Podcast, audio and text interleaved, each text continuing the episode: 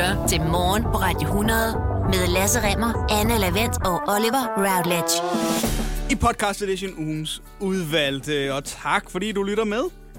Og godt fundet, at du har fundet den her øh, ugens udvalgte podcast. Det sætter vi altså sindssygt stor pris på, især fordi det har været en fremragende uge, Oliver. Det har det i den grad. Det startede rigtig godt, blandt andet med en sang fra Lasse Remmer om, hvordan det påvirker mænd, unge som gamle, at være ude og gå en tur i det kolde, kolde vejr. Den skal du glæde dig til, den sang.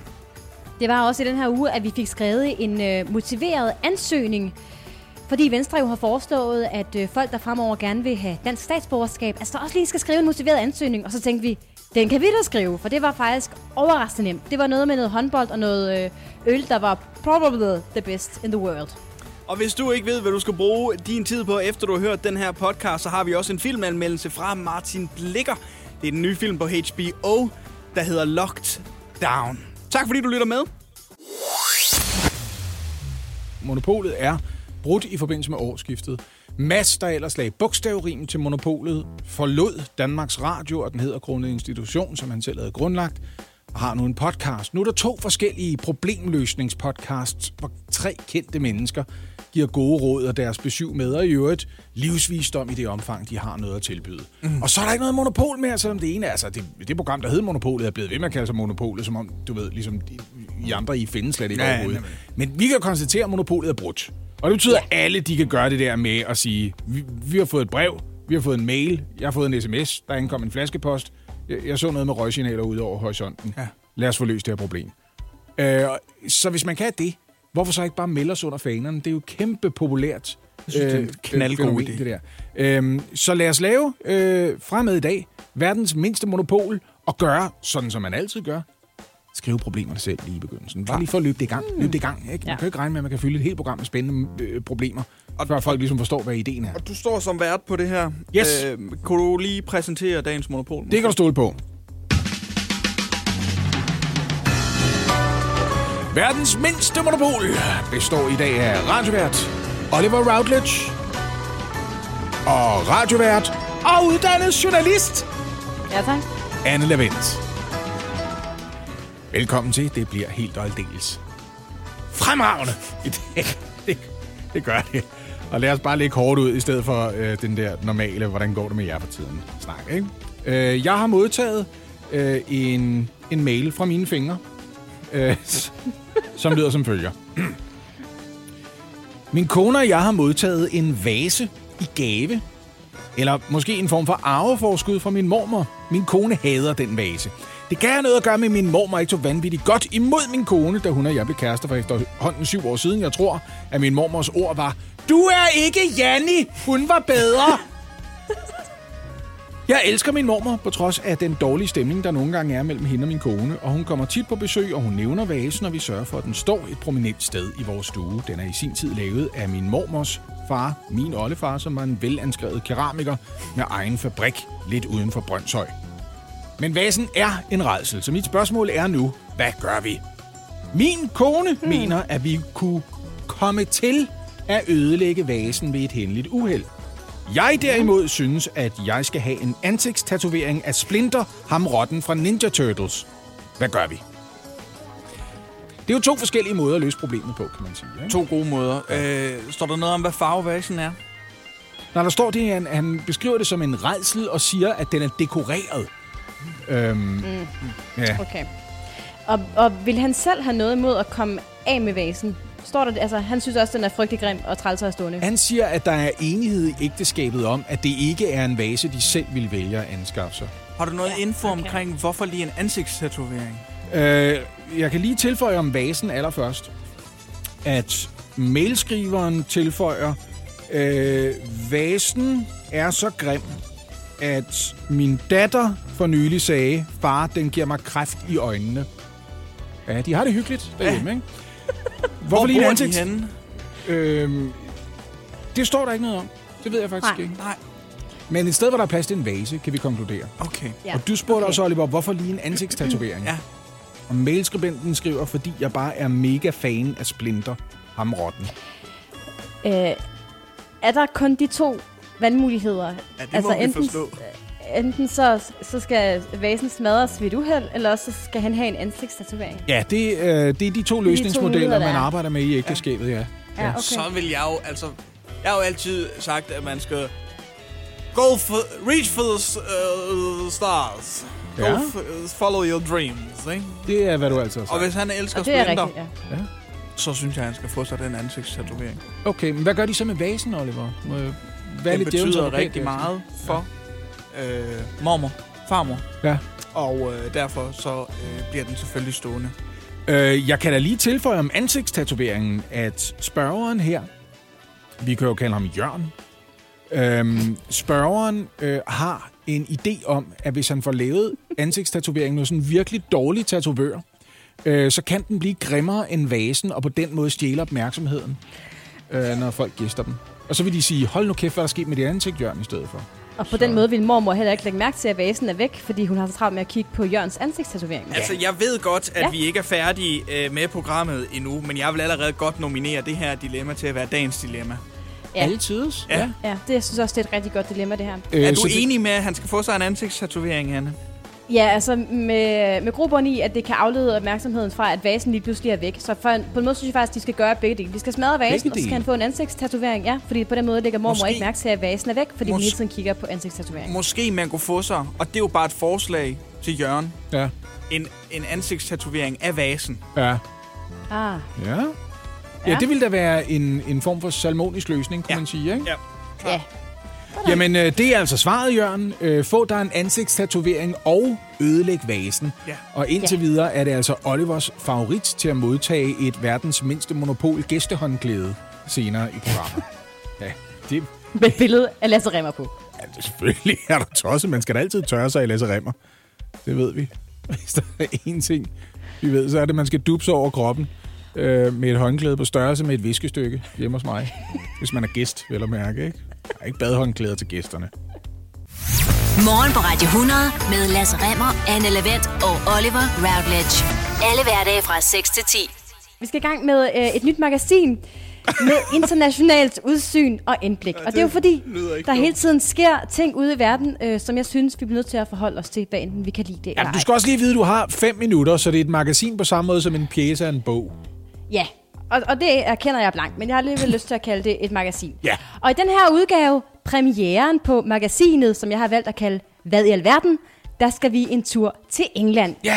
Nærmere bestemt en by, der hedder Lancashire, som ligger i det nordvestlige ja. England. Lancashire. Ja, Lancashire, hedder det det? Nå, Lanc- Lancashire, ja. Lancashire. Her bor der en kvindelig farmer ved navn Dot McCarthy, og hun er altså en driftig forretningskvinde. For hun har fundet en helt speciel og vanvittig kreativ måde at tjene penge, per, øh, penge på her under krisen. Fordi øh, som så mange andre, der har Dot McCarthy mistet rigtig mange indtægter på grund af coronakrisen.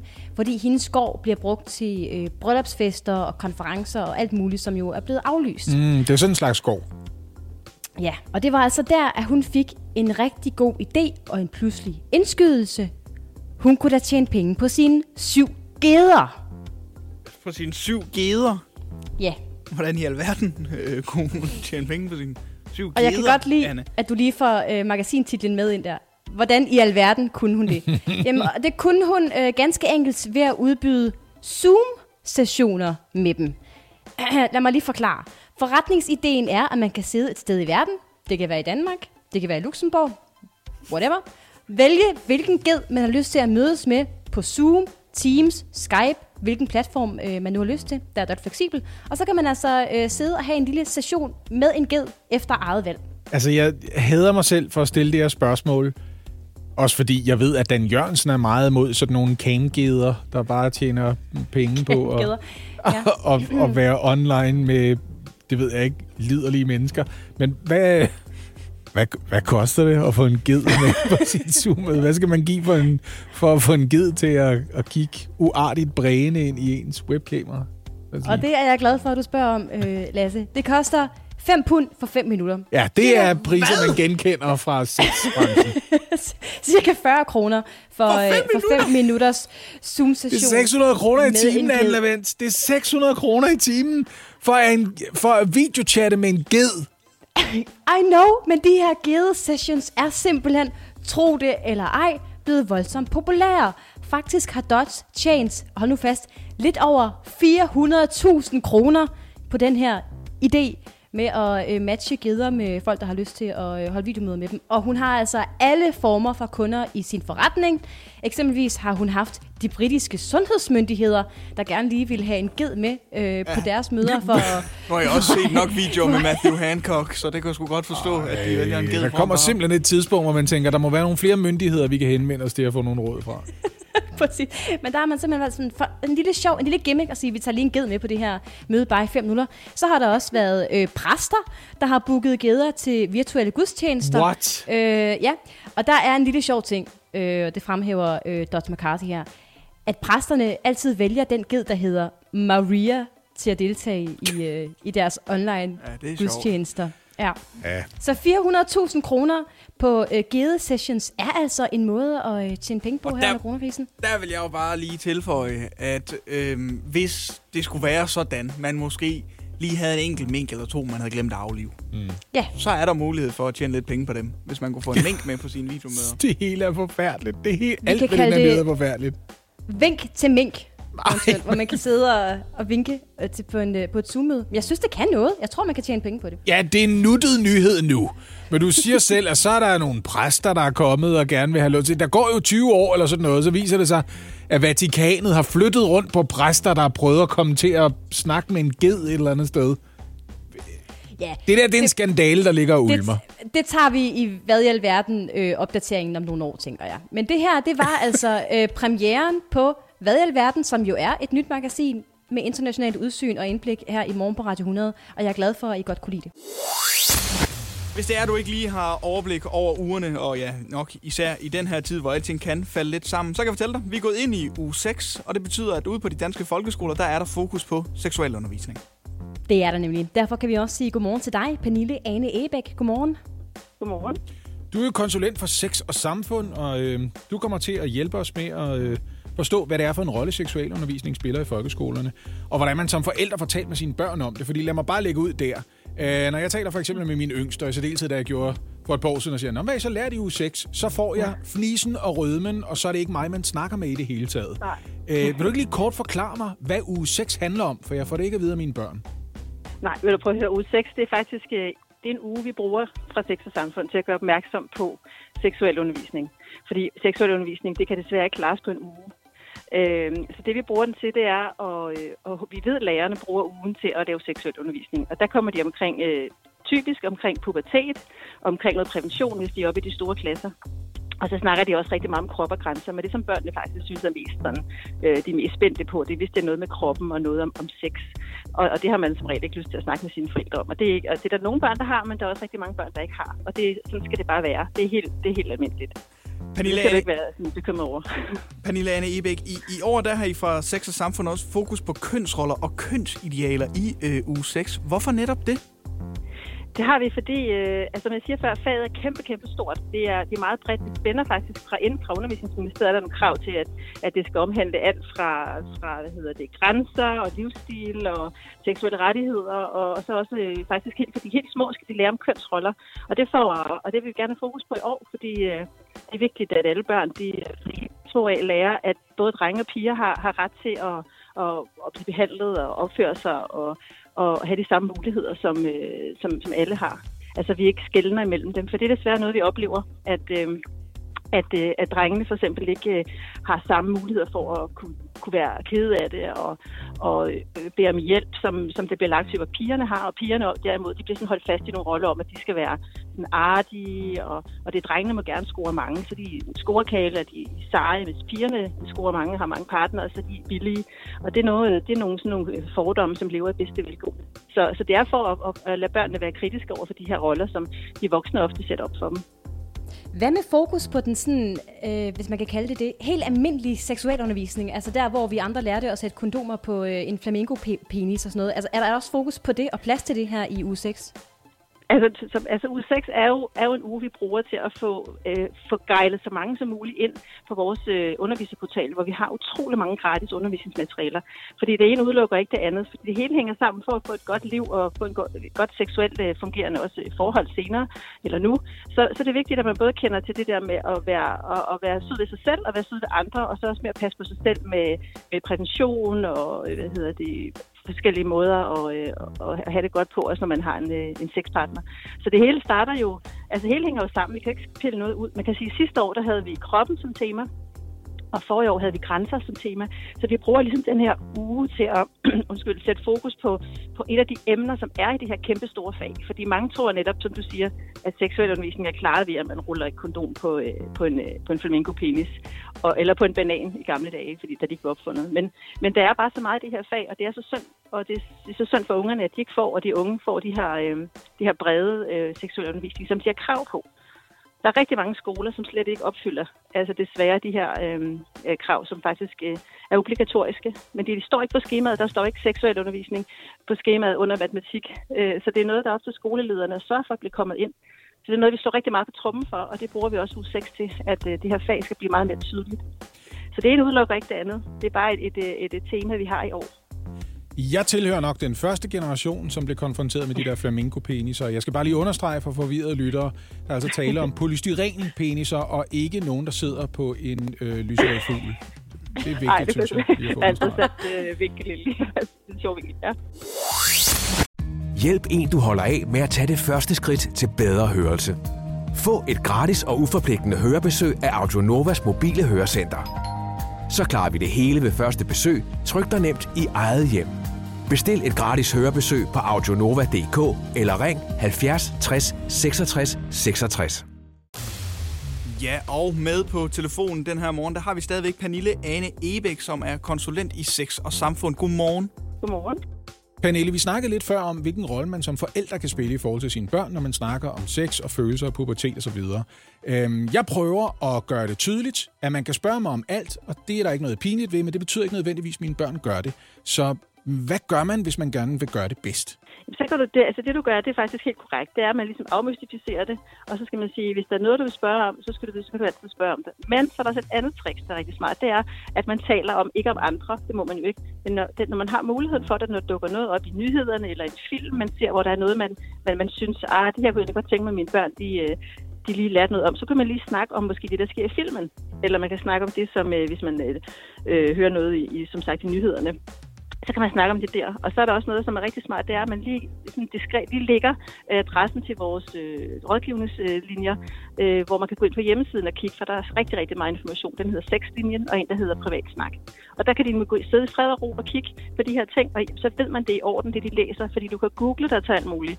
Der dukker alt muligt op, som jo ikke ved, om er rigtigt. Det, der kan være ret vildt, det der foregår på nettet af information. Så, så sørg for, at de, at de kender til de her to sider, øh, og, så, øh, og så sørg for, at deres lærere kender den her underviserportal. Øh, og så, og så bare, øh, bare lad det være lidt bare lad det være lidt pinligt. Det må det godt fnise lidt af det. Altså, sådan, sådan har det altid været. Altså, bare, så vi er jo ikke, det er jo sådan, det er. Ja, Jeg tror, det jeg er nemlig, som det er. Jeg ja. kan sige med sikkerhed, at det har været i uge 7. En af mine døtre fra bagsædet spurgte mig og min daværende kæreste med nærmest nisende stemme, hvad boller I? Så det øh, vil jeg godt have lov til at sige dig tak for at få mulighed for at svare på det spørgsmål fra mine døtre, Pernille. det var så lidt. Du er øh, konsulent for øh, Sex og Samfund, Pernille Ane Ebæk. Ja. Tusind tak for din tid her i morgen på Radio 100, og have en øh, god uge 6. Ja, i lige måde.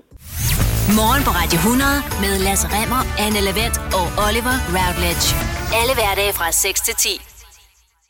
Øh, jeg har tænkt meget over, hvilke vilkår man lever under i 2021 som øh, dreng og øh, mand, især mand, vil jeg nok sige. Øh, især ung mand, voksen mand. Det er særlige vilkår, vi lever under. Og, øh, og så kom jeg til at tænke på, at vi er på vej ind i uge 6. Vi snakkede med en kvinde fra Sex og Samfund om det i går. Øh, hvordan man begår seksualundervisning øh, for både de yngste, de mellemste og de ældste klasser lige for øjeblikket. Og jeg tænkte, at der er en lang række øh, ting på spil, som buller løs i mit hoved lige for øjeblikket. Og, så Og du, det har og det har du tænkt dig sig en sang. Ja. udtrykke i en sang, ja. Ja, og det er en sang, som man kan sige kombinerer højtiden faste lavn med noget seksualundervisning og et lille bitte kig på meteorologiske forhold. Det Jo, dejligt omfavnende. Det lyder logisk, Lasse, ja. Øhm, jeg vil faktisk kalde det her det tætteste på public service, øh, vi normalt kalder. Jeg, øh, kommer. Jeg har skrevet, jeg har skrevet en sang. Ja. Det er en øh, sang, som jeg tror kunne blive en klassiker, og som kan synges for unge mænd og voksne mænd, men også for drenge i generationer fremover. Og den lyder, den lyder sådan her.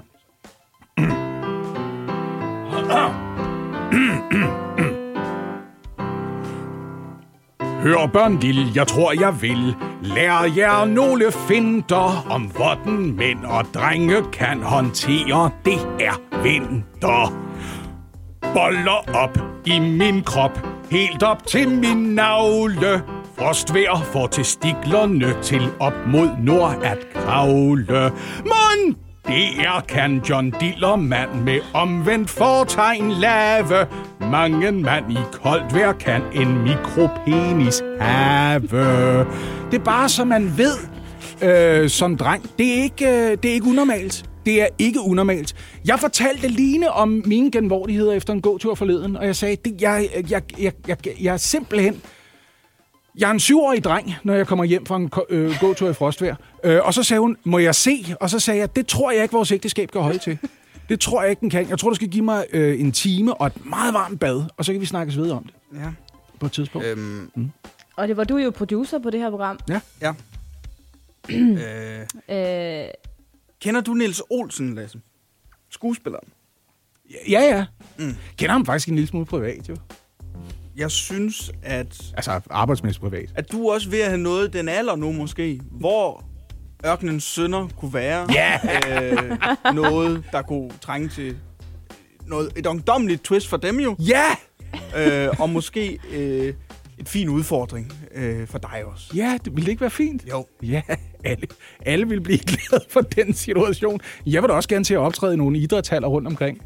Der skal der skiftes ud i den kvartet på et eller andet tidspunkt.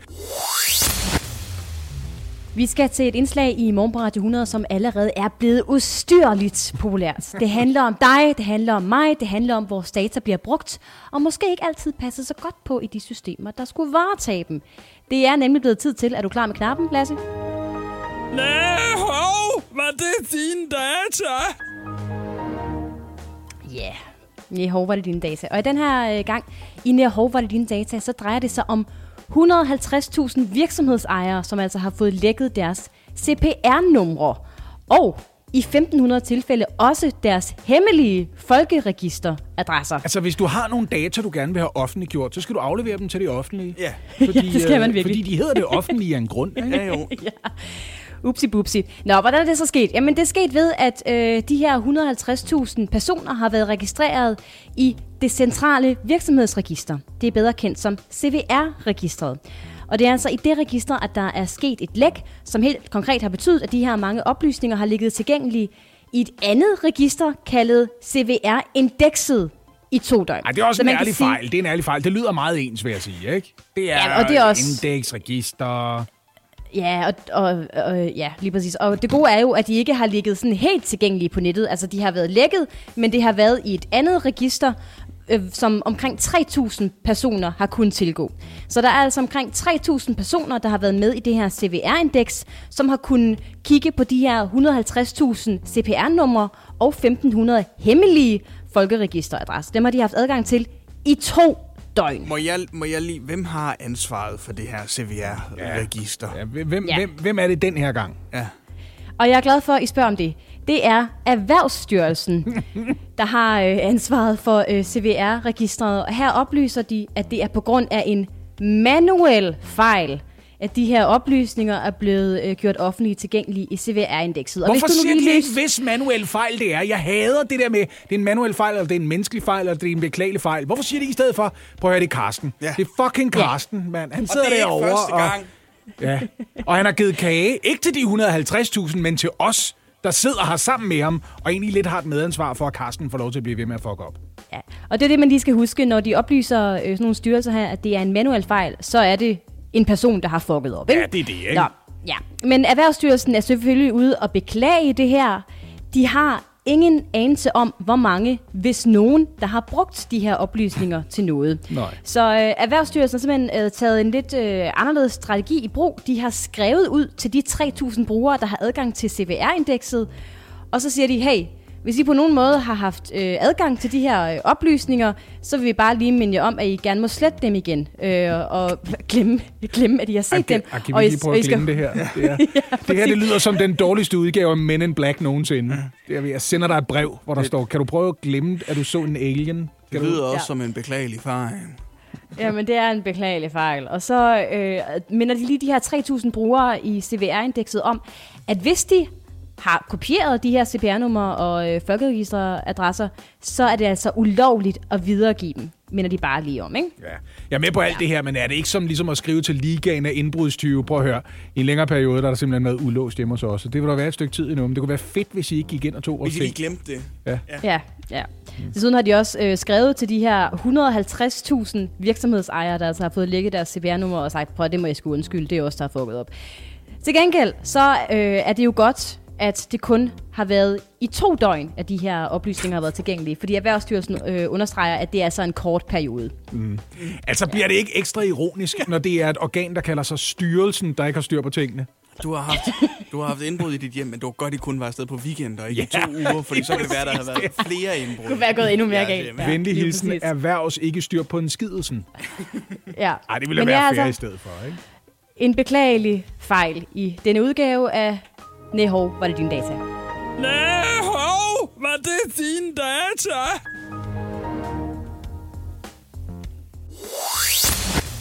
Mine damer og herrer, I skal tage rigtig godt imod. Øh, Jeres vært, her er han, Oliver Routledge. Ja! Jeg har hørt, at han stadigvæk har sin visdomstænder. Tak skal I have. Det har jeg også. Stillingen i Hvad er det værd? Quizzen er 2-2. Jo, den er så, Anne Lavent. Ah, det er ikke sådan, jeg husker det. Jeg husker det sådan, at jeg fører 2-2. Jamen, det er også øh, den farligste føring, man overhovedet kan have. Det er den farligste føring. Det er jo sådan med denne meget omfavnende, lækre og ikke mindst kvalitetsbevidste quiz, at du, kære lytter, også kan gætte med. Og vi har endda valgt at sætte en Radio 100 kop på højkant, Lasse Remmer. Mm-hmm. Det er sådan, den skal ud. Ja, ellers så øh, kaffen, den løber ud jo. Ja, lige præcis. Du kan gå ind på vores Instagram-side. Vi hedder Radio100.dk, og oppe i vores story, der kan du se dagens produkt. Og så kan du også lige give dit bud. Og den, der så har det bedste bud, når måneden er over, eller nærmest den rigtige pris på de fire produkter, der er tale om, jamen vinder altså en Radio 100 termokop. Anne og Lasse, I har også været inde og kigge på dagens produkt. Hvad er jeres umiddelbare reaktioner? Anne? Jeg tænker bare, wow, hvad er det her for øh, et monster? Og hvem vil købe sådan noget her? Igen er vi ude i, jeg tror, målgruppen, der har lyst til at købe det her øh, produkt, er utrolig smal. Jeg tror ikke, at det er en vare for alle og enhver. Øh, men jeg kigger på noget oppusligt, Det er rigtigt. og så kan jeg ikke rigtig komme det nærmere. Okay. Og det er noget, man kan bruge til polterabner. Det er det også, ja. Jeg vil jo sige, det er noget, man køber ikke til privat brug, men fordi man er en iværksætter, som gerne vil have en virksomhed op at køre med udlejning af festartikler. Ja, det kunne man sige. Er det ikke rigtigt? Jo. Anne, øh, på dit gymnasium havde I så et bordfodboldbord. Ja, Ja. nede ved kantinen, Nede ved som vi kantinen. kaldte kanten. Ja. Ja. Det her, det kan forestil dig det bordfodboldbord, og så uden de lille spillere, der er på et bordfodboldbord, og så er de bare erstattet af mennesker. Det er, hvad det her det er. det er en hoppeborg human football table.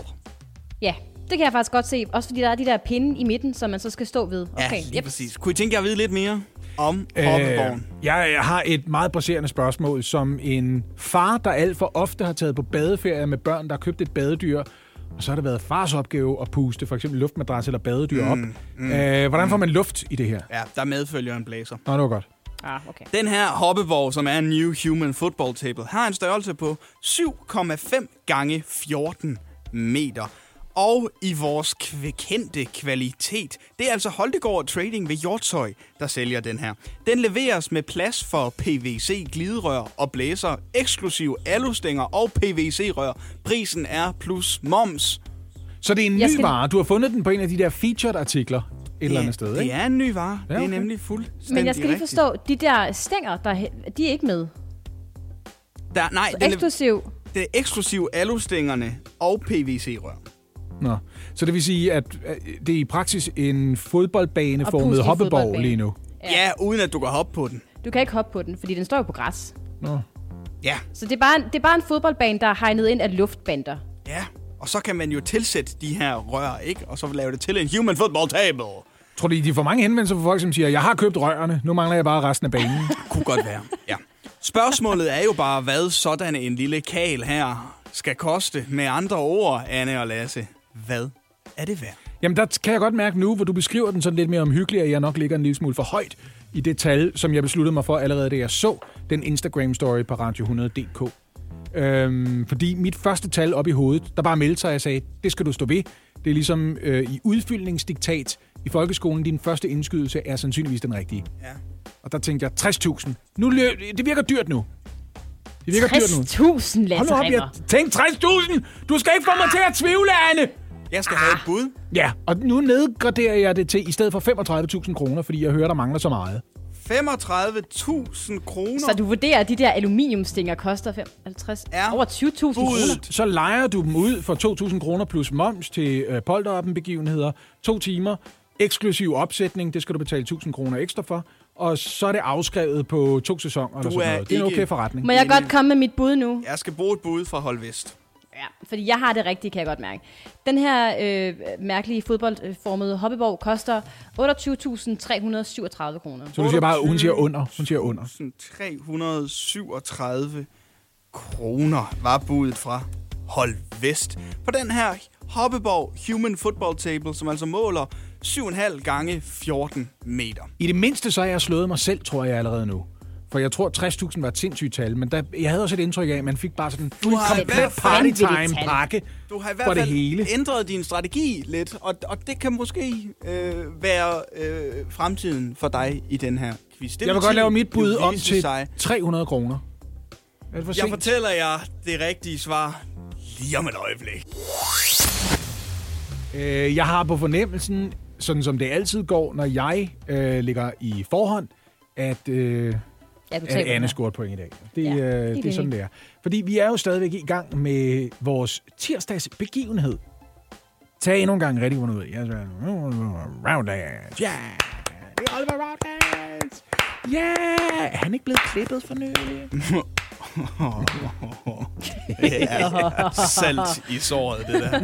Giv ham et minuspoint, Oliver. Ej, ej, ikke et helt minuspoint. Det er jo ikke citatquizzen, det her. Minus, Ej, minus. ej, hvad tror du, du det er five chair challenge, eller hvad fanden foregår der? Skift! Skift! Skift! Ved du hvad, de begynder at råbe skift, før der er nogen, der har åbnet munden og begyndt at synge. Hver gang er det bare, der skal, nogen skal have en anden, nogen skal have en stol eller en anden plads eller noget. Prøv at høre. Stillingen i Hvad er det værd quizzen er jo 2-2. Og I har i dag skulle forsøge at gætte prisen på en hoppeborg, som er en human football table. Altså bordfodbold for mennesker. Den måler jo 7,7 gange 14 meter, og budet fra hold Grønland var 35.000 kroner. Ja, men jeg startede på 60, da Ja. jeg hørte om den første gang, indtil jeg hørte om alle manglerne. Så alt det, man sænkede skal du lige prisen med ikke? 25.000 Ja, derefter. der var ikke aluminiumstænger med, som ventede ellers. Ja. Og budet fra Hold Vest var 28.337 kroner. Korrekt. To forskellige bud. Spørgsmålet er, hvem skal tage føringen i Hvad er det værd quizzen for? Dette Human Football Table er sat til salg for...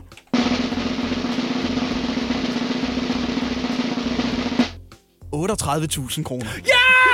Nej! Ja! Anne havde hænderne i vejret med det samme.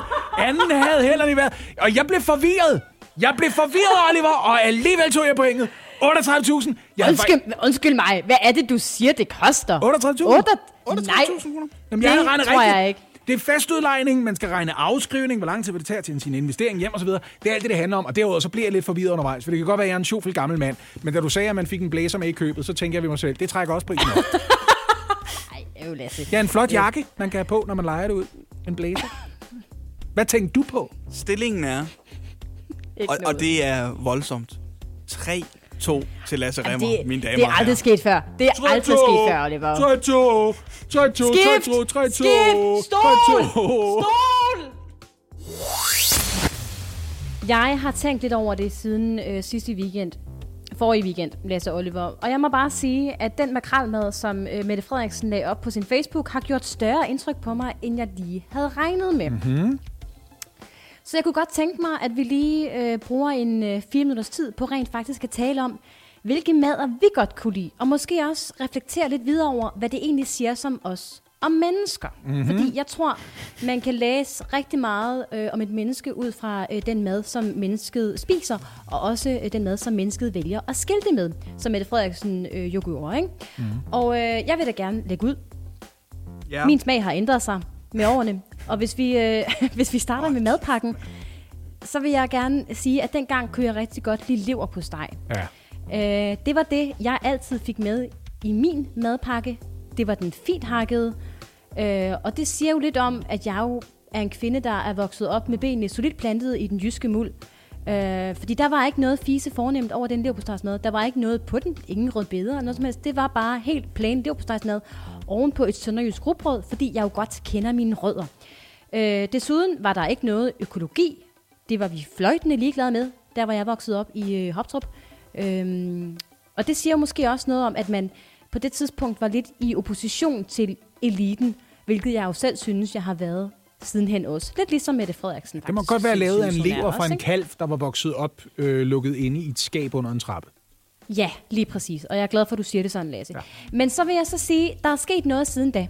Fordi i dag, hvis jeg nu sådan helt frit skal vælge fra alle hylder, og det er lidt kontroversielt, det jeg siger nu, jeg foretrækker faktisk tartar. Ja. Og det siger jo lidt om, at jeg øh, er begyndt at møde verden med en vis form for stil.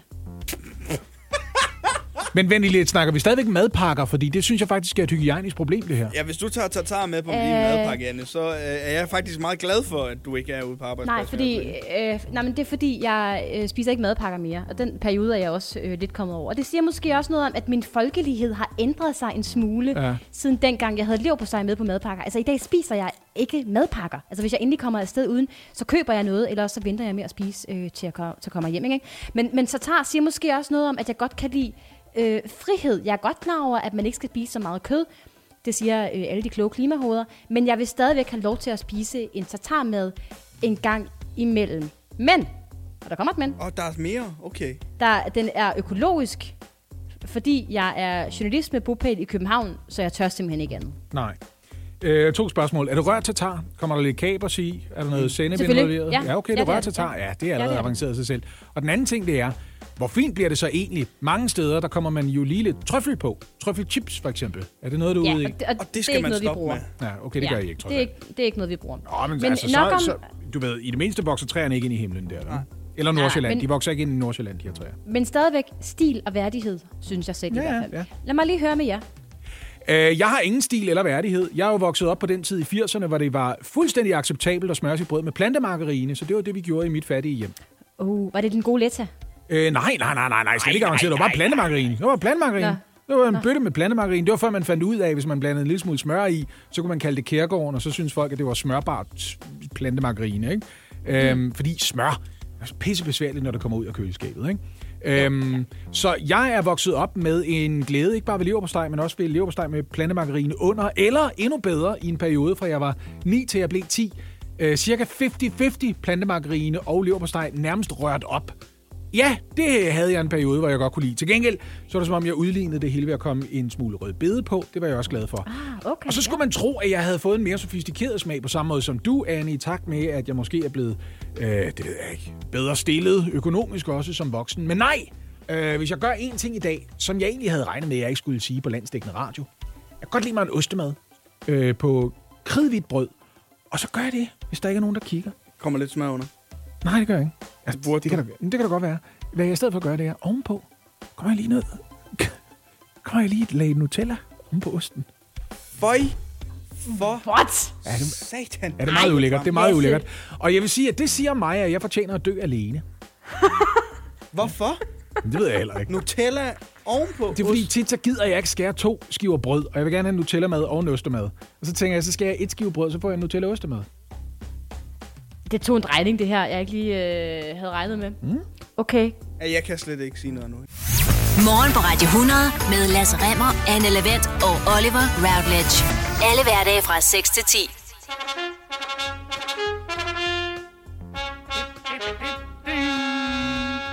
Så er det blevet tid til onsdags for den. Au, det gjorde nas. Ej, sådan en dejlig bariton der. Hvad koster sådan en god speaker egentlig, nu om stunder? Sådan på timebasis? Det er svært at vurdere. Skal jeg ikke lige hive øh, underbukserne op, godt op øh, mellem ballerne på øh, læger i øh, Region Syddanmark? Ah, teknisk set vel Midtjylland er jeg klar til at runde af til. Ej, men altså, jeg bliver så skuffet, når sådan noget sker. sker. Det her det er en historie, jeg har fundet hos TV2, øh, TV2's regionalstation Syd. TV Syd. Øh, øh, læger, som var sendt ud fra Region Syddanmark for at vaccinere ældre øh, på plejecentre i, i Varde og Bilund, øh, gjorde det efter endt dont, at de lige tog en røvfuld vacciner med hjem til sig selv og deres egen praksis for at vaccinere deres ansatte og sig selv. What? Ja, det må de ikke. Det må man ikke. Nej. Det må man ikke. Af flere årsager, blandt andet fordi vaccinerne skal jo transporteres under ganske bestemte temperaturforhold, ellers risikerer de at miste deres effekt. Så det viser sig også, at de muligvis bare har spildt de her vacciner, som ikke engang har vaccineret nogen, men som bare er blevet sprøjtet ind i nogle lægesekretærer og nogle læger rundt omkring i nærheden af Varde øh, og Bilund. Øhm, og når jeg siger, at man ikke må det her, så er det jo fordi, altså, hele vores tillid til sundhedssystemet i de her vanskelige tider, og i, i takt med, at vi kigger på vaccinationskalenderen og bliver skuffet over, at EU ikke har fået bestilt vacciner nok, og at AstraZenecas vaccine til synligheden ikke kan hamle op med den sydafrikanske mutation, og alle de bekymringer, vi har, det afhænger jo af, at vi kan stole på sundhedsvæsenet, og de ikke fifler rundt i kanterne. Mm. Det her er jo, hvis jeg må øh, lige spænde mig op på den helt store klinge her, øh, det er misbrug af betroede midler. Altså, Ja. det, det er, hvad det er. Du må ikke stjæle på arbejdet, og det er, hvad man gør i den her situation. Hvordan er man blevet straffet? Må jeg høre det? Fordi Det kan jeg fortælle, at man er blevet skarpt i rettesat af Birgit Ries Møller, der er formand for praktiserende lægers organisation i Syddanmark. De er simpelthen blevet skarpt i rettesat, og det er konsekvensen, det har haft for de her læger. Imens er man gået i gang med at undersøge, om det skulle være sådan, at den ureglementerede transport af vaccinerne ud til de her lægers praksis gør, at vaccinerne overhovedet ikke har fungeret. Så er der bare spildt dem. Det er jo endnu federe at tage i betragtning, hvor langsomt de bliver rullet ud lige for øjeblikket. Og her, bemærkelsesværdigt nok, efter hele den der jydebattle, vi, vi havde øh, i forbindelse med Venstres landsmøde, TV Syd har forsøgt at få en kommentar fra formanden for Region Syddanmark, som hedder Anne Lavendt. Stephanie Lose. Lige præcis, hun er ikke vendt tilbage. Nej. Lige skal styr på den der ting med, hvor ærlig og redelig man er i Jylland. Sådan i det hele Ja. taget. Men det her, det er ganske vist en, en undtagelse, men det er en bemærkelsesværdig undtagelse. Lad være med det. Det er røvhulsagtig adfærd, og vi kommer alle sammen til at tro lidt mindre på sundhedsvæsenet. Bare der er enkelte af jer, der gør sådan her, på trods af alle andre ellers er rigtig gode til at passe deres arbejde. Ja, jeg ved ikke, hvorfor en Olfert lyder sådan, men det har vi besluttet os for. Ja, den gør så. Og sådan er det. Øh, min onsdags Olfert går til dem, der øh, tager munden for fuld. Og her taler jeg ikke om dem, der står øh, halve og hele timer i kø for at købe fast lavnsboller til t- 50 kroner for tiden. Men de kunne også godt fortjene en. Nej, jeg taler om dem, der lover for meget. Ja, jeg kigger på dig, Oliver. Og så finder jeg ud af i sidste øjeblik, at de alligevel ikke kan leve op til forventningerne. Er det mig, vi Og- snakker om nu? Nej, det tror jeg Nej, det er det ikke. Okay. I den her uge er det blevet konkretiseret af SOS International, der altså skal have en øh, kæmpe underbuks helt op i nummi. Og det skal de, fordi det jo var SOS International, der havde vundet udbuddet mod blandt andre Falk om at stå for at lynteste os i fire ud af fem regioner. Mm. Og de havde vundet, fordi de havde lovet, at de kunne teste 100.000 personer om dagen. Det var kein problem. Øh, De var billigere, de havde styr på både personale og hygiejne, påstod de. Fordi efter bare en uge, hvor de altså havde overtaget det her arbejde med at lynteste, viste det sig, de havde ikke styr på en skid. Intet overhovedet. Blandt andet har vi hørt øh, historier om øh, ansatte, som øh, delte positive testresultater i en gruppe på WhatsApp. Det er rigtigt, Ja. Og ja, vi har også hørt om øh, dårlig hygiejne rundt omkring de her lyntestcentre. Så øh, det får man altså, ja, dels en fyreseddel for, det fik de i hvert fald, og så får man altså også en onsdagsolfert her i morgen på Radio 100. SOS fra SOS. Jeg yes. vil gerne give min onsdagsolfer til en speciel gruppe mennesker i den københavnske trafik. Det gik nemlig så skide godt sidste gang. Det skal vi lige uddybe. Du var vred over, at buschauffører trak ud i trafikken øh, uden rigtig at se sig for.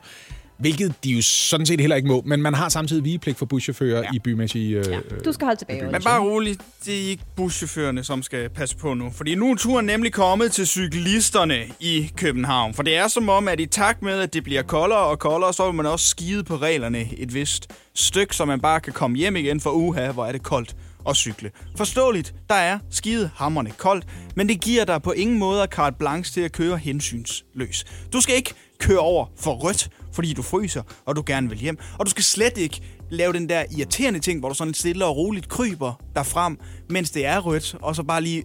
Åh, så bliver du også så Ja, hvor langsomt kan jeg cykle, så jeg slipper for at sætte foden ned? og du skal ikke heller ikke bare dreje til højre, når det passer dig, uden lige at stikke en lap ud, så man for fanden kan se, hvor du skal hen. Ja, det er skide koldt, og ja, det er nederen at cykle i minusgrader og sne, men please, lad være med at pisse mig så meget af.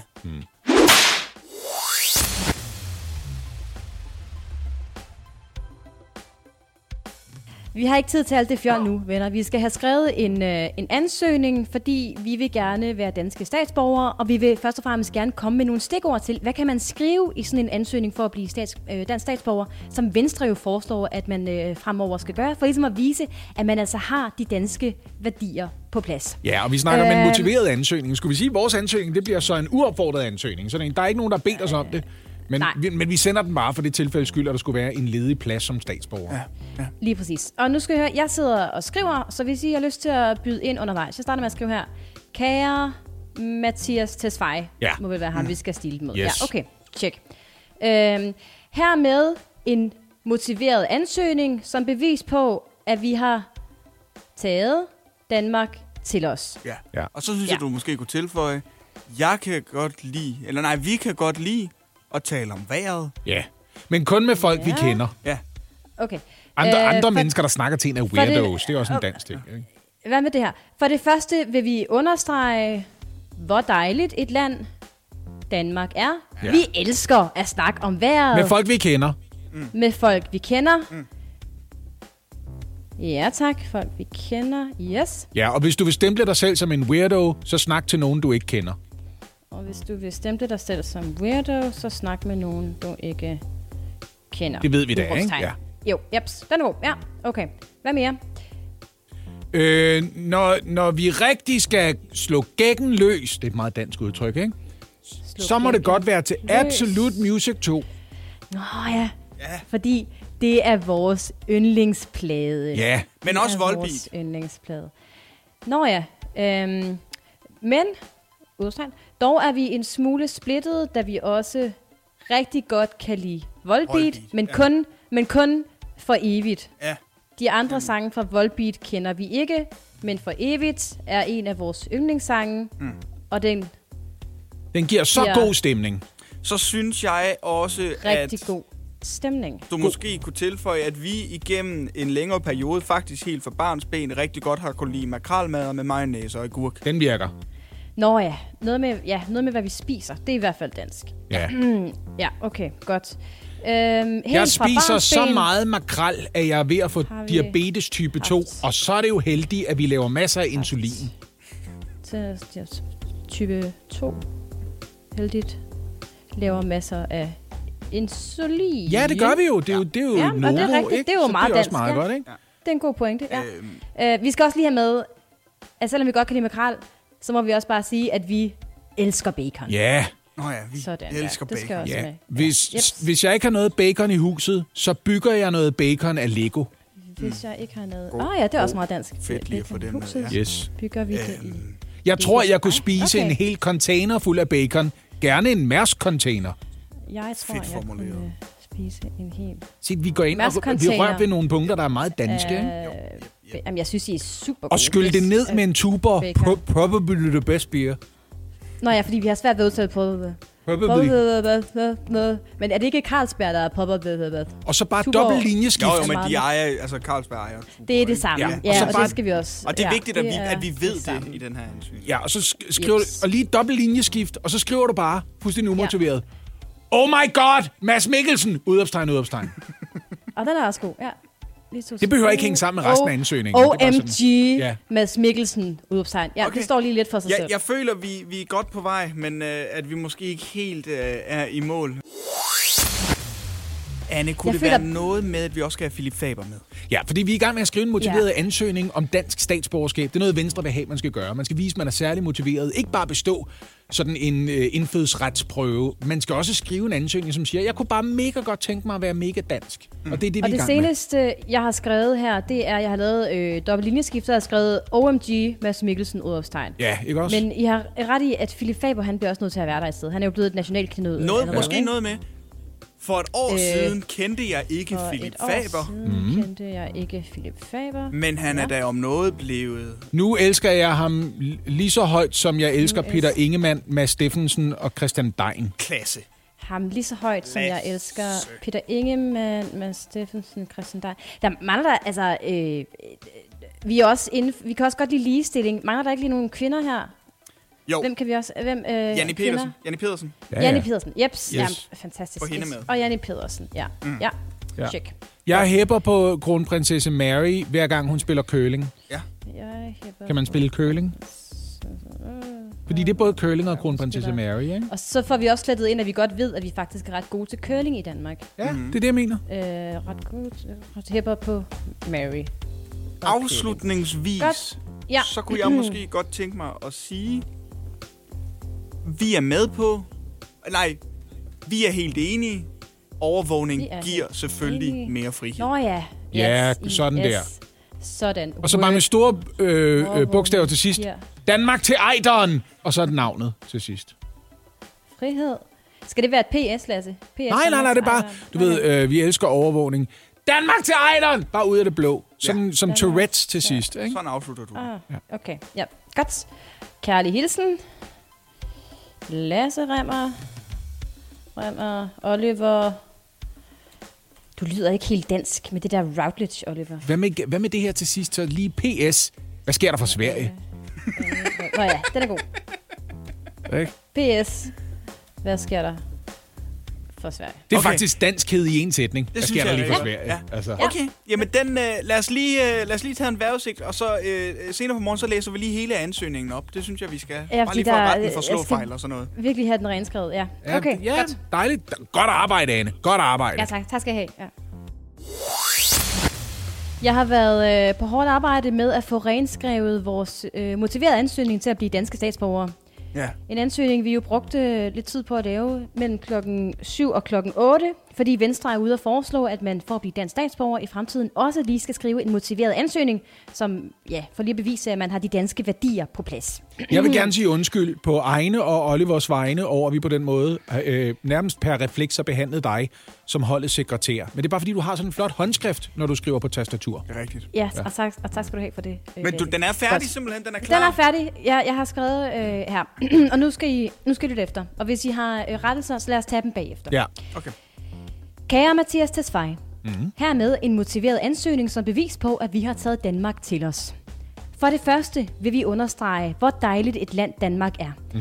Vi elsker at snakke om vejret med folk, vi kender. Og hvis du vil stemme dig selv som weirdo, så snak med folk, du ikke kender. Ja. Når vi rigtigt skal slå gækken løs, så skal det være til Absolute Music 2, men vi er også splittet, da vi også kan lide Volbeat. De andre sange kender vi ikke, Nå, der skulle, der skulle måske lige have men været- for evigt er god. Ja. Det tager vi bag. Ej, det er faktisk meget godt. Det er meget Ja, godt at sige. De andre vi sange kender vi ikke, men for evigt er god. Men, ja, ja, præcis, det står der.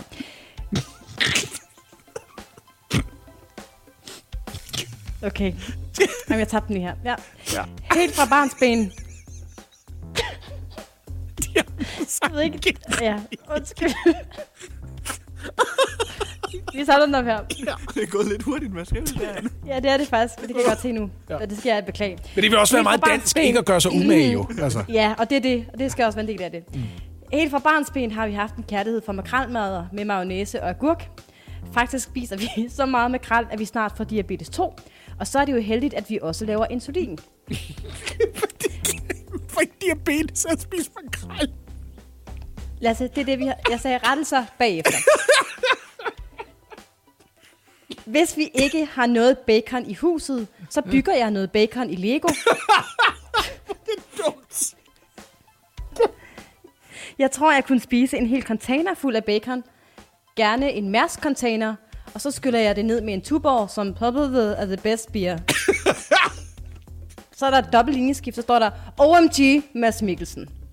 Det passer også ny godt med. Tuborg, jo. Det, ja. Ja, det gør det faktisk. For et år siden kendte jeg ikke Philip Faber, men nu elsker jeg ham lige så højt, som jeg elsker Peter Ingemann, Mads Steffensen og Janni Pedersen. Jeg hæpper på kronprinsesse Mary, hver gang hun spiller køling. Vi er enige. Overvågning giver selvfølgelig mere frihed. Danmark til Ejderen! Kærlig hilsen, Lasse Kærlig hilsen. Oliver Routledge og Anne Lavendt. P.S. Hvad sker der fra Sverige? Perfekt. Perfekt. Den sidder i skabet, den der. Jeg, jeg tror godt, vi kan få forlænget vores statsborgerskab. Den tror jeg også er hjemme. Det, er, det her det bliver, det bliver facit for alle dem, Min, der skal øh, skrive ansøgninger i fremtiden. Min mor skal jo til maj måned, fordi hun er øh, englænder søger med dansk statsborgerskab. og, og på den britiske ambassade. Jeg ved ikke, om jeg bare kan videresende det her til hende. Copy-paste. Så kan hun, Ja, hun den er fyre der. det afsted. Morgen på Radio 100 med Lasse Remmer, Anne Lavendt og Oliver Routledge. Alle Hjælp en, du holder af med at tage det første skridt til bedre hørelse. Få et gratis og uforpligtende hørebesøg af Audionovas mobile hørecenter. Så klarer vi det hele ved første besøg, tryk dig nemt i eget hjem. Bestil et gratis hørebesøg på audionova.dk eller ring 70 60 66 66. fra 6 til 10.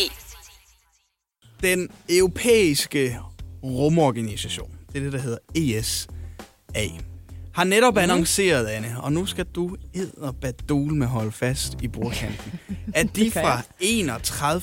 marts 2021 åbner for ansøgninger til et nyt kold af europæiske astronauter. Kul af europæiske astronauter.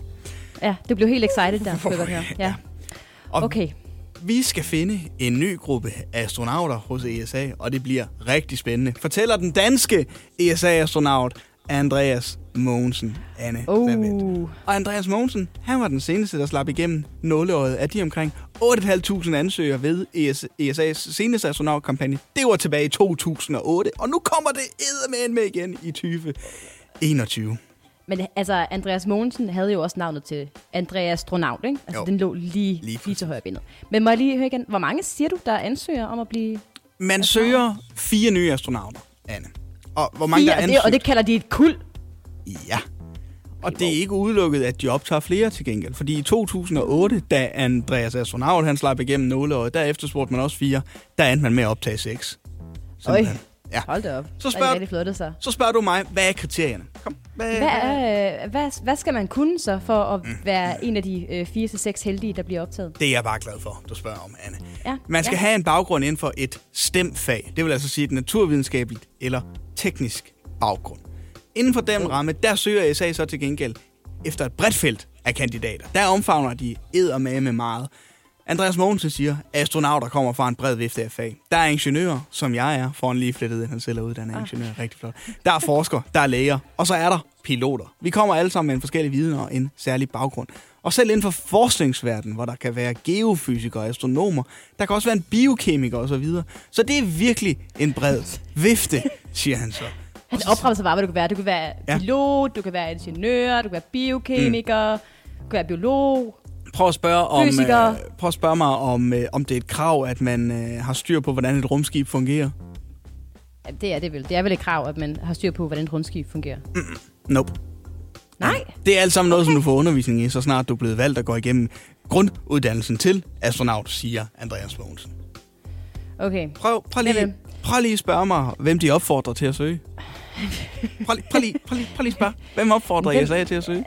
Hvem opfordrer ESA til at, at søge sig? Kvinder. Kvinder? Nå, Yes. okay. De Mangfoldighed, ser ja tak. gerne kvindelige ansøgere for at øge kønsdiversiteten i astronautkorpset. For noget længere ud end nogensinde, så har vi gjort... Øh, øh, for, for noget længere ud, end vi nogensinde har gjort, er vi nødt til at kigge bredere, end vi nogensinde har gjort. Rekrutteringsprocessen er første skridt, og jeg ser frem til at se agenturet udvikle sig på tværs af alle områder og udforskning af rummet og innovation sammen med vores internationale partnere i de kommende år, siger ESA's generaldirektør. Det er ham, vi alle sammen ved, hedder John Vermer. Rammer. Yes. Okay, så hvis man er øh, kvinde og øh, har en eller anden form for ingeniør pilotuddannelse bag mm. sig, så er det altså nu, man mm. kan blive øh, astronaut. Men hvor mange sagde du, der havde søgt sidste gang? Var det 8? 8.500 søgte sidste gang.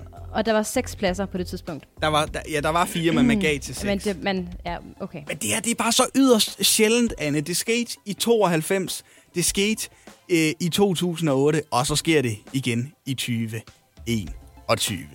Så hvis du sidder derude, og du lige har, er blevet færdig med en uddannelse i et af stemfagene, måske er du uddannet ingeniør, ligesom Andreas Mogensen han var. Ja, tak.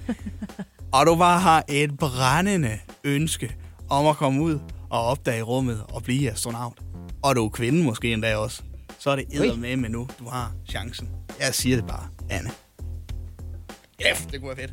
Jeg ved godt, at Kåre Mølbak lige er gået på pension, ikke? Men kunne det måske ikke være noget, som han lige vil have af sin bucket list? Kom Mølbak som astronaut. Det kan da godt være, at, han lige, øh, at det er hans næste skridt. Hvorfor ikke? Det er altså øh, i starten af marts, de åbner for ansøgninger hos ESA, og jeg vil bare sige, nu synes jeg, vi har gjort vores pligt, vi har formidlet den her nyhed videre, så nu er det bare op til dig om at skrive en, skrive en rigtig god mail til dem, hvor du sender din ansøgning, og så kan det være dig, der bliver den næste Andreas astronaut. Wow. Hvad så, Anne? Er du, er du ja. lidt smiret? Er du lidt, øh, uh, kunne det være dig? Nej, jeg har højdeskræk, så jeg skal ikke... Øh, Ja, men det nævner de slet ikke noget om, Anne. Nej, nej, Jeg synes det, det kan jeg godt mærke. Ja, det er et fremragende. ikke. Altså, du kan jo ikke falde nogen steder. Ud, altså, lige snart du er kommet op i, i højden, så, så svæver du jo bare. Det er ikke, Men er stadigvæk højt op. Ja, ja men det, det er fair nok. Jeg siger det bare. Det er med med fedt at være astronaut. Og lige nu, der, der, der er jeg lidt træt af, at jeg ikke lige tog mig den universitetsuddannelse inden for et stemfag, fordi så kan jeg da love dig for, Så at var min du der, ansøgning ja. er smækket direkte afsted på ESA's bord. Morgen på Radio 100 med Lasse Remmer, Anne Lavendt og Oliver Routledge. Alle hverdage fra 6 til 10. Biograferne er jo øh, stadigvæk lukket på ubestemt tid, hvilket betyder, at i hvert fald mine abon- øh, abonnementer til diverse streamingtjenester stadigvæk er øh, på massivt overarbejde. Men heldigvis, så udkommer der faktisk stadigvæk nye film på de her streamingtjenester. Ja, HBO de har netop haft premiere på filmen Locked Down, som blandt andet har Anne Hathaway på øh, rollelisten. Men spørgsmålet er jo så bare, om det er den næste film, som vi skal kaste os over på streamingtjenesten. Ja, og til at hjælpe os med at finde ud af det, så har vi allieret os med vores faste filmanmelder og filmekspert her i huset, nemlig dig, Martin Blikker. Godmorgen, godmorgen. Godmorgen. Martin Blikker, Lockdown, hvad handler den om? Jamen altså, den her lockdown, den kan vel bedst beskrives som værende ja, en farse. Den er fyldt med sådan noget underspillet humor, og så har den en handling, der vel bedst kan betegnes som værende skæv og til tider relativt utroværdig. Vi befinder os i London hos ægteparet Paxton og Linda, der bliver spillet af henholdsvis Tiotuel IG4. Ham kender man måske fra 12 Years a Slave, og øh, ved siden af ham, der finder vi Anne Hathaway. Hende kan man måske huske, fordi hun vandt en Oscar for sin rolle i Les Miserables. Men øh, de spiller altså et par, som er i krise. Ja, faktisk så er de så meget i krise, at de er gået fra hinanden, og det har ikke ligefrem hjulpet på deres situation, at de så samtidig er fanget under samme tag som følge af et omfattende udgangsforbud på grund af den her covid-19-pandemi, der altså haver derude. Men, men, men. Vi ved jo alle sammen, at der ikke er noget bedre for et forhold i krise end lidt hyggeteori, så da det her par pludselig ja, falder over en diamant til mange millioner, så rammes de jo selvfølgelig af sådan nogle covidske åbenbaringer, der går Robin Hood i den, og så, ja, så beslutter det her par, så skulle få at tyvstjæle det her juvel. Hi, Paxton. We heard London's in total lockdown. We are all locked in this psychological prison of burning aloneness. How's Linda? She's somewhere in the house. Is there some type of issue? We are fine. bastards who told me to fire those people. They are bad. You and I are good, and good is better than bad. You're talking about stealing a diamond. Three million pounds. Live wild or die, Linda. Hold da op, der er øh, god energi i den her øh, trailer, i hvert fald Martin Blikker. Hvordan fungerer den her film? Jamen, der er blevet skudt med spredhavl, der er lidt til alle, men jeg vil faktisk sige, den lykkes faktisk rigtig, rigtig fint et langt stykke hen ad vejen. Øhm, og det skyldes i høj grad samspillet og kemien mellem netop Tutu Force og hende her Anne Hathaway. Altså, det er i høj grad deres samtaler, og så deres til tider meget maniske udbrud, som ligesom driver filmen og gør den seværdig. Øhm, den er fyldt med dejligt tør underspillet, til tider sort humor, men det her med, at der skal ud og stjæles en, en diamant, det kommer sgu desværre lidt i vejen, og det føles også meget malplaceret et eller andet sted, fordi filmens ja, hvad kan man sige, første to tredjedele mest af alt minder om sådan et lille intim skuespil mellem de her to karakterer. Øh, sådan et, et stykke skuespil, man ser i teatret, og det bliver altså ødelagt af det her diamantdingleri i min optik desværre. Martin Blikker, jeg kan se, at øh, den, der har lavet den her film, også var dem, der lavede Mr. and Mrs. Smith, altså den film, der gjorde, at Brad Pitt gik fra Jennifer Aniston. Martin Blikker, hvem skal se den her film? Jamen altså, hvis man hører til det publikum, som er til film fyldt med sådan noget underspillet, dialogdreven humor og sådan enkelte incentriske udbrud, eller det man for eksempel finder i visse Woody Allen-film, eller i filmen Carnage fra 2011 af Roman Polanski, eller ja, sågar i The Royal Tenenbaums af Wes Anderson fra 2001, ja, så kan den her film altså noget. Og samtidig vil jeg også sige, det er værd at nævne, at den her film er jo ekstremt samtidsrelevant i og med, at ja, den tager udgangspunkt i en situation, som vi stadigvæk befinder os i, og stadigvæk er ved at bearbejde, og man kan sige, hvor tit ja, oplever man egentlig det i filmens verden, at man er så meget på forfod med, med et emne. Hmm. Det lyder som om, at du er øh, nogenlunde begejstret, Martin Blikker. Hvis vi nu skal have sat nogle øh, stjerner på, mellem 1 og 6, hvor mange skal den så have? Jamen, jeg var faktisk ret begejstret. Den var også godt skrevet, og det var nogle fede dialoger, der var imellem dem her. Der var mange filosofiske tanker, som det hedder. Øh, så jeg er landet på 4 ud af 6 af de mindre stjerner, da det nok ikke er en Mm. film for alle, men øh, sådan er det jo ofte med film. Men det må også, altså i forhold til den her film foregår i en pandemitid, øh, eller altså det må være skrevet og produceret relativt hurtigt, den her film, fordi de kan jo ikke have forudset det for to år siden, det her. Nej, men jeg er helt enig. Jeg sad også og tænkte over, at det er vildt, at de har været i stand til at lave en film på det her tidspunkt. Så der har siddet en eller anden øh, producent og tænkt, der skal, der skal laves noget, det skal gå stærkt. Også fordi alle dem, der er involveret i filmen, de har, ja, de har Oscar-materiale bag sig. Enten har de været nomineret, eller også har de vundet. Så man har eddermame med være hurtigt til at finde et produktionsteam. Og det hele det foregår i England, hvor der er virkelig skærpede krav i forhold til Danmark for eksempel. Så der er delt med godt nok nogle ting, øh, der er blevet løst øh, i en spids. Martin Blikker, du er vores øh, faste filmanmelder, tangerende til øh, film Sindssyg. Tusind tak for din øh, tid her i morgen på Radio 100. Som altid en øh, kæmpe fornøjelse at høre dine vurderinger af de her film. Jamen, det var der siger tak.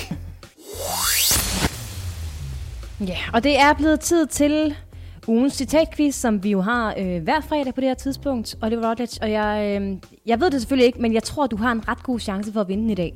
øh, nu, hvor, nu hvor Lasse ikke er til stede. Men prøv at høre, øh, vi gør præcis som øh, vi plejer, og derfor så vil jeg gerne bede dig om at finde en bosserlyd, og jeg kan forstå, at du har fundet den. Anisha Tumi. Wababa du. Ja. ja. Øh, og den bosser du dig ind med, når du kan genkende det citat, jeg læser op om lidt, eller rettere sagt de citater. Og så er det jo op til dig at øh, gætte, hvem der har sagt eller skrevet citatet, og i hvilken forbindelse det er sagt eller skrevet, altså hvilken nyhedshistorie det konkret knytter sig til. Ja, tak. Ja tak. Er du klar til det første citat? Ja, jeg er klar. Yes! Godt. Jeg synes ikke, der er noget at komme efter i den her historie, og jeg håber, at de fleste har mere at gå op i. Anisha Tumi. Wababa du. Og ja, Oliver? Ja, det var mig. Ja, det var dig. Øhm, Du var hurtigst. jeg, øh, og det her det er et sats. Kunne det være øh, Jesper Petersen fra Socialdemokratiet, der udtaler sig omkring det photoshoppede stokbillede, de havde smidt op efter, at øh, de yngste folkeskoleelever kom tilbage i skole igen? Det er rigtigt. Det er fuldstændig korrekt. Det er nemlig øh, Socialdemokratiets politiske ordfører, der var ude og sige, prøv at come on, har I ikke mere at gå op i, end at ja, vi har photoshoppet et mundbind ind på det her stokfoto af en dreng, der altså øh, ikke er dansk. Så øh, det er fuldstændig korrekt, Oliver. Der er to point til dig der. Tak skal du have. Er der, får, jeg, får jeg noget fedt i præmie, hvis jeg får 10 point i den her quiz? Altså alle Nej. fem rigtige. Nej. Næste citat lyder sådan her. Jeg tror, de færreste virksomheder ville ansætte en person, uden at personen havde skrevet en ansøgning og været til en samtale. Hvad? Jeg tror, de færreste virksomheder ville ansætte en person, uden at personen havde skrevet en ansøgning og været til samtale. Anisha Tumi. Wababa du gægge. Ja, tak. Oliver, ja? Det ved jeg simpelthen ikke, men mit bud er øh, Andreas Astronaut, fordi ESA søger nye astronauter. Det er et godt bud, men det er et forkert bud.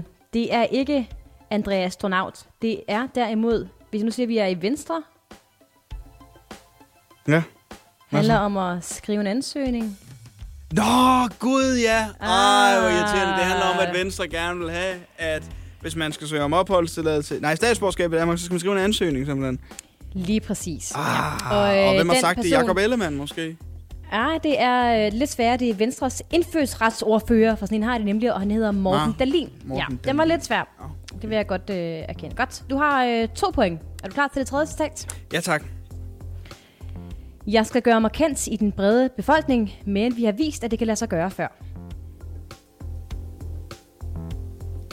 Jeg skal gøre mig kendt i den brede befolkning? Ja, men vi har vist, det altså kunne lade sig gøre før. Jeg har jo lyst til, at det skal være noget politisk. Og det er ikke forkert. Anisha, du me... Hvad du Ja, Oliver. Jamen, så bliver jeg nødt til at tro, øh, eller sats på, at det er... Jeg ved, hvorfor skulle det være? Jeg siger Stephanie Lose. Og vil du, vil du på grunden, hvorfor du siger det? Nej. Pose? Nej, godt. Men det behøver du heller ikke, for det er fuldstændig forkert. Det er, øh, og nu hjælper jeg dig lidt, og du får ikke nogen point, men øh, det er øh, et parti, der har fået sådan en ny frontfigur. Ah, ja. Ah, er du med så? Ja, men det kan jo være to, fordi det har Alternativet også, men det har øh, Enhedslisten jo også. Ja. Jeg siger, det er Maja Villersen. Det er nemlig mig, Villadsen fra Enhedslisten. Ja, tak. Som altså er øh, ny politisk ordfører i stedet for Pernille Skipper, der jo Ja. øh, trådte tilbage i den her uge. Det gik rigtig dårligt her i første halvleg. Oliver, du har øh, to point ud af seks mulige. Ja, det er, ikke, det er jeg heller ikke selv tilfreds med.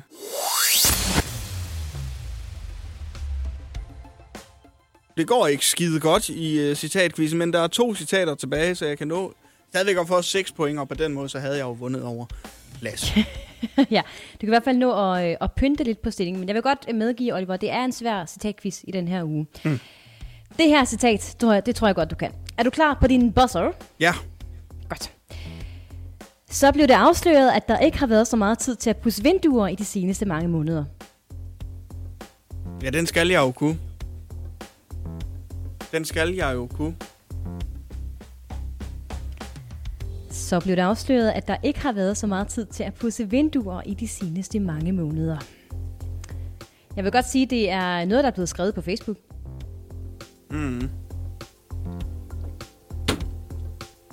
Har ikke et bud. Hvad fanden Siger er du pas? Siger du pas for den? Ja. Ja. Det er øh, en kvinde, der også godt kan lide makrelmad. Jamen er det bare, er det, jamen er det bare Mette Fred... Nå ja, fordi, åh, så blev det afsluttet, det kan være sådan Jamen det er fordi, hun, hun startede med at skrive, øh, vintersolen kommer, eller sådan noget, og så blev det afsluttet, jeg ikke har haft så meget tid til at pusse... Ja, men okay. Jeg troede, du var Ja, en, der var sjov okay. med Mette Frederiksen. Okay, okay, okay. Ja, det var det ikke. Det var bare Mette Frederiksen, vores statsminister, øh, der i et opslag på Facebook viser, at hun øh, pusser Du vinduer. tager et citat fra et citat. Nej, jeg gør ikke. Åh. Men det havde været underligt, jeg tror, at hendes første ord var noget med solskin, udråbstegn. Ja. Og det synes jeg havde været lidt, ja. Det skulle jeg man, tænkte, det kunne det var, man da godt have med. Jeg tænkte, det var lidt nemmere at gætte det ud fra det her stat, men det var det så ikke. Øh, og vi ved, at du er presset, Oliver, når du begynder at diskutere med øh, quizmasteren. Kom nu bare med det sidste, så jeg, kan få, så jeg også kan svare det er forkert. Og så så kan vi komme okay, videre på det her noget panik fantastiske fredagsprogram. Ja tak. Det sidste citat ja, i så? ugens citatquiz. Det er meget kort. Det lyder sådan her. Come on. Anisha, to me. Hvad babber du gægge? Det er ellers svært, Oliver. Ja. Nej, det er ikke svært. Det er Torsten Geil, der skrev det til hans redder. Der skrev, at Peter Velblom får travlt, fordi han skulle have tre poster i enhedslisten, og Torsten Geil har 50 ordførerposter i Alternativet. Og så var det, Torsten Geil skrev, Come Come on. Og det er fuldstændig korrekt. Oliver Robles, du er oppe på fire point. Ja, det er jeg ikke tilfreds med. Du får en lille klap til herhjemme. Sådan. Tak skal du have. Tusind tak. tak. Tænk, at du er bedre, når Lasse er der. Ja, men det er fordi, jeg skal have noget konkurrence. Jeg skal have noget, der kan få mig frem. Ja. Men det havde Ja. jeg ikke i dag. Morgen på Radio 100 med Lasse Remmer, Anne Lavendt og Oliver Routledge. Alle hverdage fra 6 til 10.